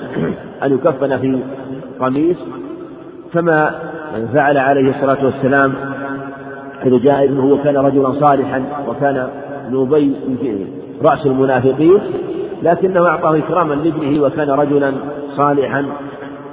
بل استأذن النبي عليه الصلاة والسلام في قتل أبيه لما أنه بدر منه ما بدر ونهاه عليه السلام عن ذلك خشية الفتنة والشر. وجاء معنا أيضا في حديث جابر أنه كفنه بعدما آه، أنه أدخل في قبره ثم ذلك أخرج ثم كفنه في قميصه. وفعله عليه الصلاة والسلام تأليفا له ولمصلحة ولمصلحة من انخدع به ودفعا للشر والفتنة لأنه كان رأسا في قومه وإلا روي أنه عليه الصلاة والسلام قال ما ينفعه ذلك لكن أراد لأجل المصلحة في ذلك وقيل إنه فعل ذلك آه، ردا. ردا لهديته ومعروفة لأنه روي أن لأنه جاء أنه أهد... أنه أعطى عمه العباس عبد المطلب قميص يوم بدر يوم لما أسر واحتاج إلى قميص وكان رجلا طوالا عظيما العباس فاحتاج إلى قميص ولم يأتوا يجدوا قميصا يطول عليه إلا قميص عبد الله بن أبي. فإنه أنعم عليه مقابلة ومكافأة لفعله ذاك. وعن ابن عباس رضي الله عنهما أن النبي صلى الله عليه وسلم قال البسوا من ثيابكم البياض فإنها من خير ثيابكم وكفنوا, وكفنوا فيها موتاكم. رواه الخمسة. إلا النسائي وصححه الترمذي.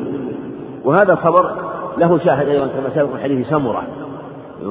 قال البسوا من ثيابكم البياض. فيه أمر بلبس ثياب البياض.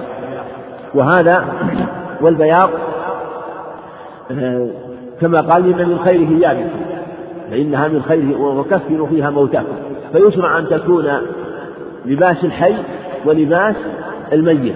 لكن ليس بواجب لكنه هو الأفضل. وقد كان وكان عليه الصلاة والسلام يلبس البياض ويلبس الأحمر وجاء في الصحيح أنه لبس بردة بردة حمراء كما في حديث البراء بن عازب وجاء أنه لبس عليه الصلاة والسلام ثوبا أخضر وجاء أنه لبس حلة لبس ألوان من الثياب عليه الصلاة والسلام. وعن جابر رضي الله عنه قال قال رسول الله صلى الله عليه وسلم إذا إذا كفن أحدكم أخاه فليحسن كفنه. رواه مسلم. وفي هذا الأمر بإحسان الكفن. يرام الأمر بإحسان الكفن وأن يكون حسنا وأن يكون نظيفا. والميت والميت كما جاء في خبر آخر أنه يبعث في ثيابه التي مات فيها فيشرع أن يكون في ثياب حسنة.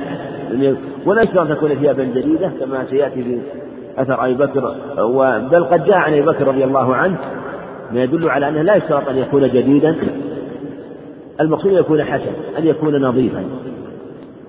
وقد جاء عن أبي بكر رضي الله عنه أنه قال لعائشة رضي الله عنها أي يوم هذا؟ لما اشتد به المرض قال يوم الاثنين. قال إني لأرجو فيما بيني وبين الليل. قال أي يوم هذا؟ قال يوم الاثنين. قال في أي يوم مات رسول الله صلى الله عليه وسلم؟ قال يوم الاثنين. قال إني لأرجو فيما بيني وبين الليل. رضي الله عنه. وتوفي من آخر ذلك اليوم من آخر ذلك اليوم. ثم قال خذ ثوبي هذين واجعلوا معهما ثوبا. وقال إنما هو وأتي بثوب أن يكفن فيه جديد. فقال الحي أحق بهذا من الميت. إنما هو للمهلة. يعني ثوب الميت للمهلة. والمهلة المراد بها الصديد أن أن الميت يذهب ويفنى غالبا يذهب ويفنى جسده.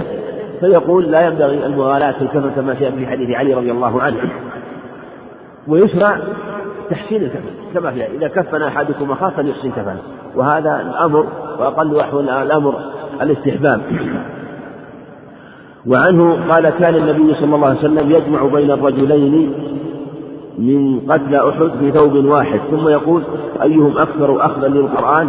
فيقدمه في اللحم. ولم يغسلوا ولم يصلى عليهم رواه البخاري. حديث جابر بدلالة على أنه لا بأس أن يقبر الرجلان في في قبر واحد عند الحاجة إلى ذلك. الأصل بل الواجب أن أن يقبر كل إنسان يفرد من الرجال والنساء. وهكذا كان يفعل عليه الصلاة والسلام. كان يقبر كل إنسان على حدة لأنه كالبيت له والمسكن له فيقبر في في مكان مستقل. وعند الحاجة لا بأس أن يقبر اثنان في قبر أو ثلاثة عند الحاجة أيضا. كما حديث هشام بن عامر أنهم شكوا إلى النبي عليه الصلاة والسلام كثرة الموت يوم أحد فقال عليه الصلاة والسلام احفروا وأوسعوا وأعمقوا. يعني اجعلوا القبر واسعا واجعلوه عميقا واجعلوا اثنين والثلاثة في قبر. زاد الثلاثة. هذا يبين أنه إذا احتيج إلى أكثر من ثلاثة فلا بأس. فإن شاء وسع القبر وإن شاء وسعه من جهة الطول وينظر الأصلح فيدفن اثنين والثلاثة في قبر واحد. وهذا كما سبق عند الحاج يكفي دفن الرجلين في قبر واحد. وكذلك لو احتاج إلى دفن الرجل والمرأة فلا بأس على الصحيح لكن ينبغي أن يجعل بينهما شيء من الفاصل من التراب لأنه هكذا أحكام الحياة بين الرجال والنساء الانفصال والابتعاد وعدم الملامسة فكذلك أيضا في حال الوفاة فينبغي أن يكون فاصلا. ف ثم قال فينظر أيهم أكثر أخذا للقرآن فيقدمه فالتقديم بالتفضيل الديني الشرعي وأنه يقدم وهكذا في حياة الدنيا. فيقدمه في اللحد. فيها دلالة على أنه المشروع للحد الميت. قال عليه اللحد لنا والشق لغيره وإن كان الشق جائزا لكن اللحد أفضل. وهكذا صنع برسول الله صلى الله عليه وسلم. قال سعد بن وقاص ألحدوا لي لحدا وانصبوا علي النبي كما نصبا كما فعل برسول الله صلى الله عليه وسلم. ولما بعثوا في قبره عليه في من يحفروا القبر عليه الصلاة والسلام بعثوا إلى من يبرح وإلى من يلحد فقالوا إلى أيهما من قدم أيهما أولا فعل. فقدم الذي يلحد وهو أبو طلحة فلحد للنبي عليه الصلاة والسلام. ثم قال لم يغسل الشهداء لا يغسلون وهذا قول جماهير العلم وحكي الاتفاق في ذلك أنهم لا يغسلون. وهذا كرامة لهم. وبقاء لجراحهم وكل جرح بجرح يأتي يوم القيامة. أعظم ما يكون دما جفوف طيبا شهادة لهذا القتيل الذي قتل في سبيل الله.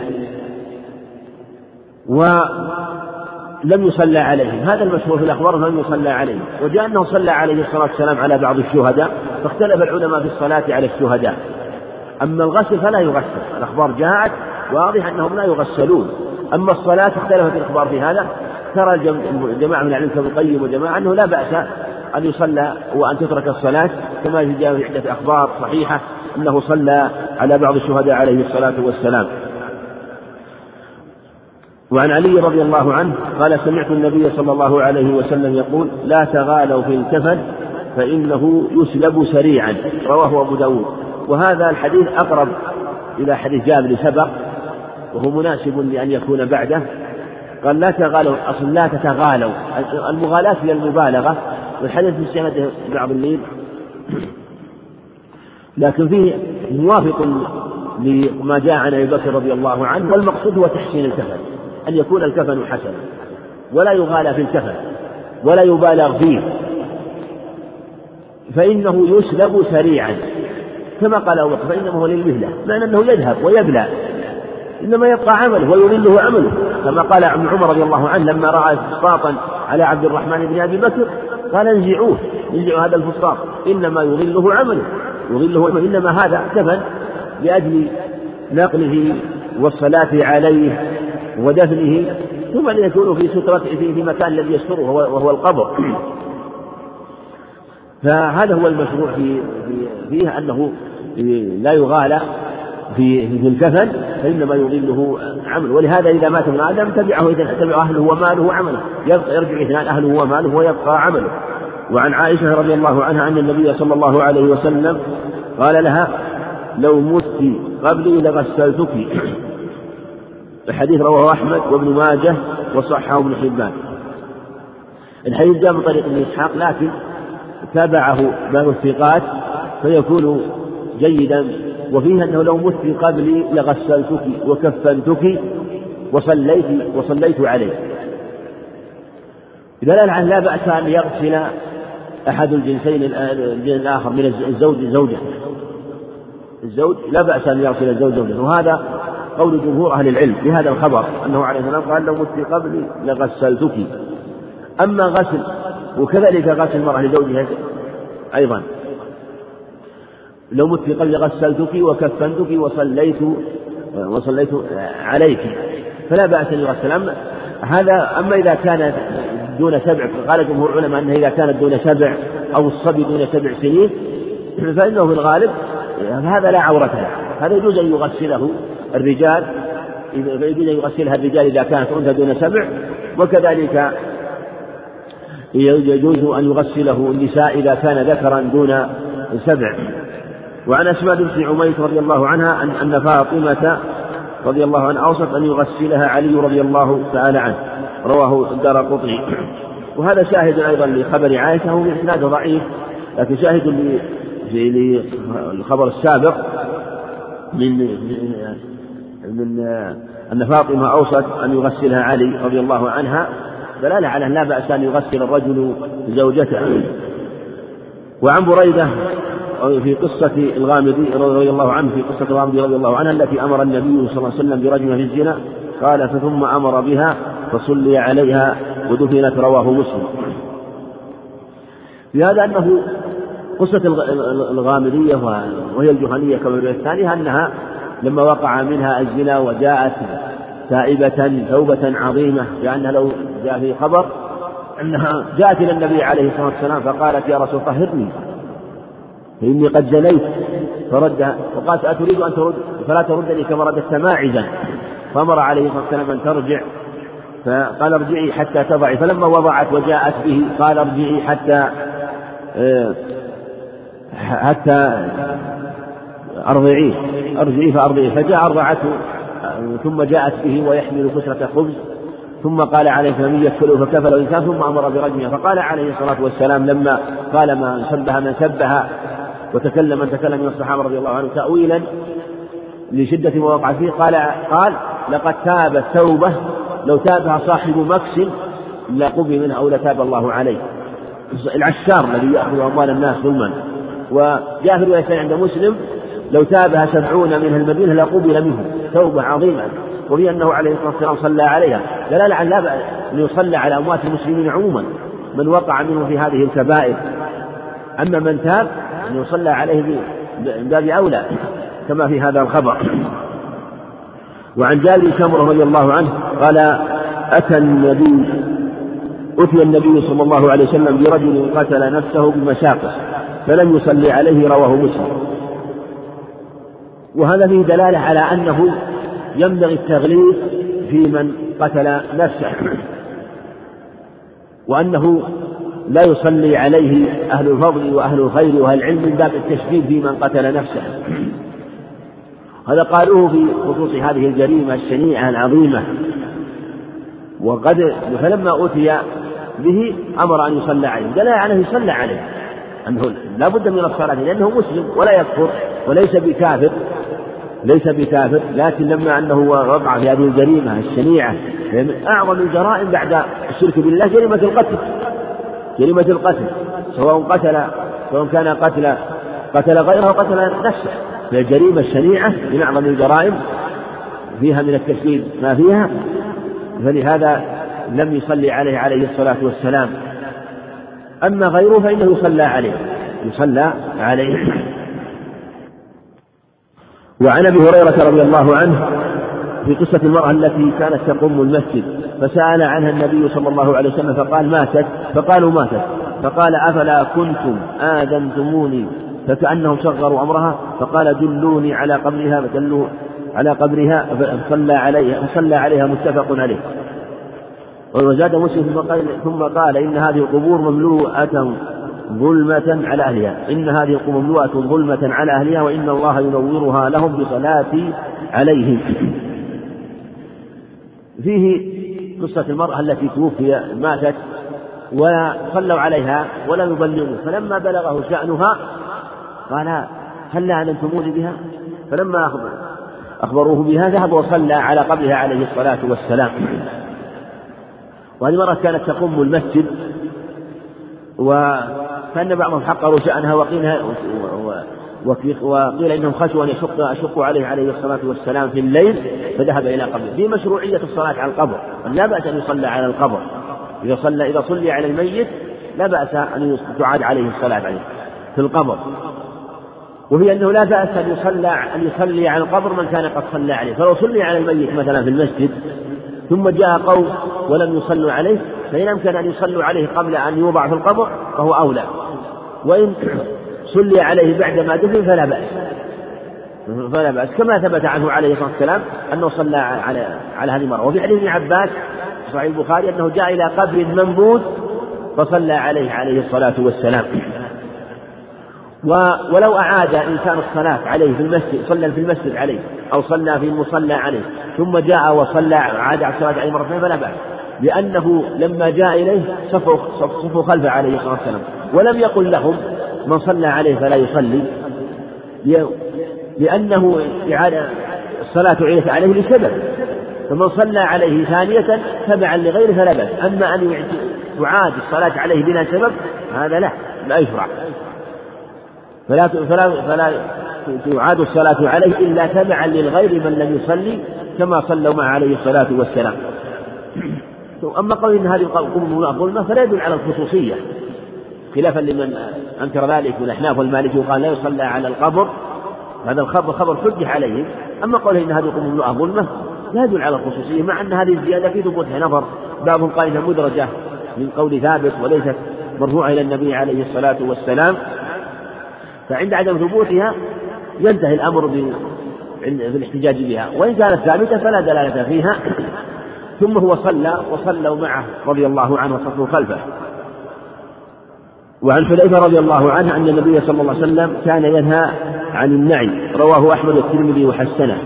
قال النعي أو النعي وهذا له شاهد أيضا من حديث ابن مسعود بالنهي عن النعي. النعي هو الإعلان بالمي... هو الإخبار بالميت على وجه فيه زيادة. كما كانوا في الجاهلية إذا مات الكبير فيهم ركب إنسان فرسا ثم جعل يصيح بين القبائل وبين الناس وفي الدور مات فلان أو نعاي فلان أو أنعي فلانا. هذا هو المنهي عنه. النعي الذي يكون على هذا الوجه. وأشبه ما يكون نوع من النياحة ونوع من وقد يكون نوع من التسخط للمقدور ومراغمة لقضاء الله وقدره فينهى آه، عنه. كما في هذا الخبرين وبعض السلف شدد في هذا حتى إن حذيفة رضي الله عنه قال لا تؤذنوا بأحد لا تعلموا بأحد فإني أخشى أن يكون نعيا.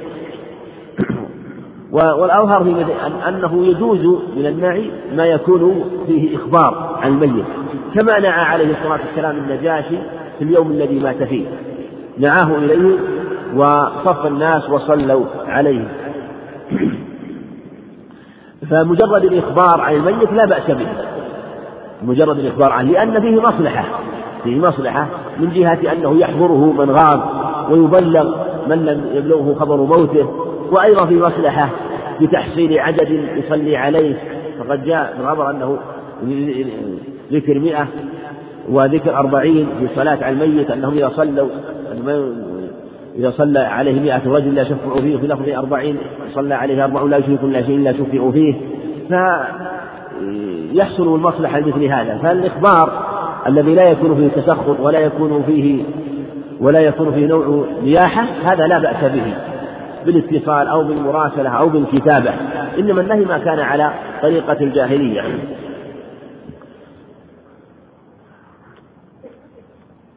وعن أبي هريرة رضي الله عنه أن النبي صلى الله عليه وسلم نعى النجاشي في اليوم الذي مات فيه وخرج بهم إلى المصلى فصف بهم وكبر عليه أربع متفق عليه. وهذا كما سبق لأنه لا بأس من هذا النعي الذي يكون فيه إخبار عن الميت. في نعى النجاشي في اليوم الذي مات فيه. وهذا مما أعلمه الله به حيث أخبر موت النجاشي وكان رجلا صالحا وأسلم وتابع النبي عليه الصلاة والسلام لكنه لم يره. وقيل إنه أسلم ولم تبلغه شرائع الإسلام وقيل إنه آه، لم آه، لم تبلغه شرائع الإسلام من الصلاة والحج وسائر فعمل بما بلغه. وهذا مما يلغز به من جهة أن يقال تابعي صلى عليه النبي صلى الله عليه وسلم والصحابة فيقال هو النجاشي لأنه حكم حكم التابعي من جهة أنه لم يرى النبي عليه الصلاة والسلام. وأيضا هو أسلم من حسنات أسلم على يديه عمرو بن العاص. ويقال أيضا ما يلغز يقال تابعي أسلم على يديه صحابي فيقال هو النجاشي. فهو بلغهم النبي عليه الصلاة والسلام وخرج من المصلى في مشروعية الخروج إلى المصلى وأن يصلى على كان كان من عادته عليه الصلاة والسلام يصلي على الميت في المصلى أو في مصلى الجنائز. وربما صلى على الميت في المسجد كما صلى على على ابن بيضاء كما قالت عائشة لما أنكرت لما أنكر بعض الناس الصلاة إدخال جنازة بعض الصحابة إما سعد بن وقاص وغيره فقالت ما صلى رسول الله صلى على ابن البيضاء إلا في المسجد. فلا بأس أن يصلى عليه في المسجد ولا بأس يصلى عليه المصلى لكن كان من عادته عليه الصلاة والسلام أن يصلي على الجنائز في المصلى لأنه أبلغ في الإظهار إظهار أمر الجنازة وإشاعتها وإشهارها حتى يحضر الناس ويصلوا عليه. فصف به في مشروع الصف الصفوف على الجنازة. وكبر أربعا عليه الصلاة والسلام. وهكذا في حديث ابن عباس أنه كبر أربعا. وهكذا في حديث آه، جابر. في حديث جابر وحديث أبي هريرة وحديث ابن عباس أنه كبر اربعا. دل على أنه يكبر اربعا على الميت وكما سيأتي في الأخبار. عنه عليه السلام والله أعلم. كيف على حديث أبي هريرة. أحسن الله إليكم وأثابكم. آه، نبدأ أيها الإخوة بطرح الأسئلة التي جاءت من الإنترنت. آه، وقد يلومني كثير من الإخوة في ذلك لكن كما أن لكم فضلا في حضور دروس هذه الدورة وتوزيع جدولها فلإخوان لكم على شبكة الإنترنت أيضا جهود كبيرة في دعوة غيرهم لغرفة الدورة العلمية. حتى أبشركم أنه في كثير من الأحيان يعني تبلغ آه، غرفة الدورة العلمية المرتبة الأولى في الغرف لكثرة الحضور فيها. أسأل الله أن يثيب كل من تسبب في ذلك. هذا أخ لكم من أمريكا يقول فضيلة الشيخ نعيش في أمريكا في بلدة لا يوجد بها مقبرة للمسلمين. وقد توفيت بنت منذ فترة من المسلمين وحاولت إقناع ذويها بأن يأخذوها إلى مدينة تبعد عنا 200 كيلو متر فيها مقبرة للمسلمين. فلم يوافقوا ودفنوها في مقابر النصارى فما حكم ذلك؟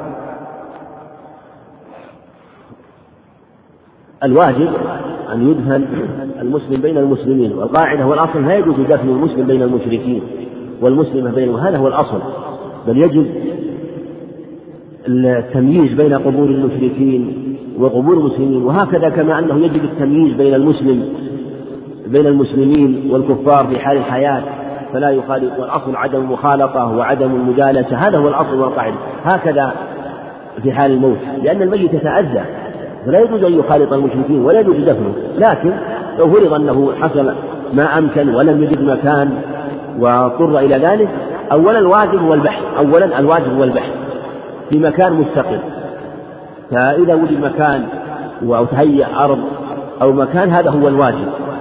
فإن لم يتيسر ذلك أو شق أو لا يمكن فدفنه واجب والله والرسول عليه يقول إذا أمرتكم بأمر فأتوا منه ما استطعتم. وقال سبحانه لا يكلف الله نفسا إلا وسعها لا يكلف الله نفسا إلا ما أتاها. ما جعل عليكم في الدين من حرج. فالمقصود إذا وصل الأمر إلى هذه الحال وأنه لم يتمكن من وجود مقبرة فهي حال ضرورة. والضرورات لها أحكام لها أحكامها. فتدفن حيث ما تيسر. ثم لو فرض أنه أمكن بعد ذلك وجد لها قبر مثلا وهي لم يذهب جسدها وهذه الميتة أو هذا الميت لا زال جسده طريا أو لم يتمزع ولم يتمزق ولم يبلى وأمكن نبشه. وجد بعد ذلك لا ينبش لأنه يجب النبش بالمصلحة بالمصلحة الشرعية آه، لا بأس به. فكيف إذا كان في مثل هذه الحالة؟ من باب أولى. فإذا تيسر مكان بعد ذلك نبش على وجه لا يكون فيه ضرر بالميت إذا كان لم يتغير أو خشي عليه. فهذه الحالة ذكرها الأخ السائل حال ضرورة فإذا لم يتيسر فلا بأس بذلك. نعم. أحسن الله إليكم. وهذا سائل من المنطقة الشرقية يقول هل يقال للميت قل لا إله إلا الله أو يذكر بطريقة أخرى وجزاكم الله خيرا كما سبق الميت يقال يذكر عنده هذه الكلمة. يقال لا إله إلا الله. يذكر عند هذه الكلمة. ولا يؤمر بها. لا أحسن ما يؤمر. لا يقال قل لا إله إلا الله. ونعلم أن الميت ربما حصل له شدة ربما آه، حصل له قلق وضيق حال الموت. قد يحصل من بعض الأموات شيء من هذا. فلهذا ربما لو أمره بذلك أو ألح عليه قد يقول كلاما غير غير حسن. قد يكون كلاما غير حسن. وقال عبد الله المبارك روي عنه أنه كان عنده أناس فلقنوه لا إله إلا الله. ثم لقنه من عنده مرة ثانية. فقال إذا قلتها مرة فأنا على ذلك.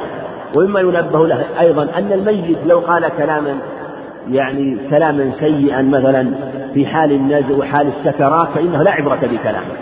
ولا يكون في كلامه على بعض الناس ربما أشاع عن ميت أنه قال كلاما سيئا في حال النزع. إذا غلبه السكرات الموت وغلبه وغاب شيء عقله وغاب تفكيره عنه. وتكلم حتى قال أهل العلم لو قال كلاما ظاهره الكفر وهو مغلوب على عقله فإنه لا عبرة بكلامه ولا ولا يكون لكلامه حكم.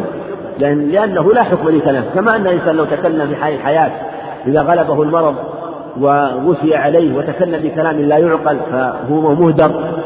وكذلك الأحكام المتعلقة في حال الحياة لو تكلم بكلام فيه سوء وهو قد قد غلبه عقله فالقلم مرفوعا في هذه الحالة. كذلك الميت في هذه الحالة فالمقصود أنه ينبغي العناية الميت وعدم الشدة عليه وأن يذكر يعني كلامه بدون تشديد عليه. نعم. أحسن الله إليكم. وهذا يقول فضيلة الشيخ هل يبقى دين الميت؟ جزا الله فضيلة الشيخ خيرا على ما قدم. وجعله في ميزان حسناته. والسلام عليكم ورحمة الله وبركاته.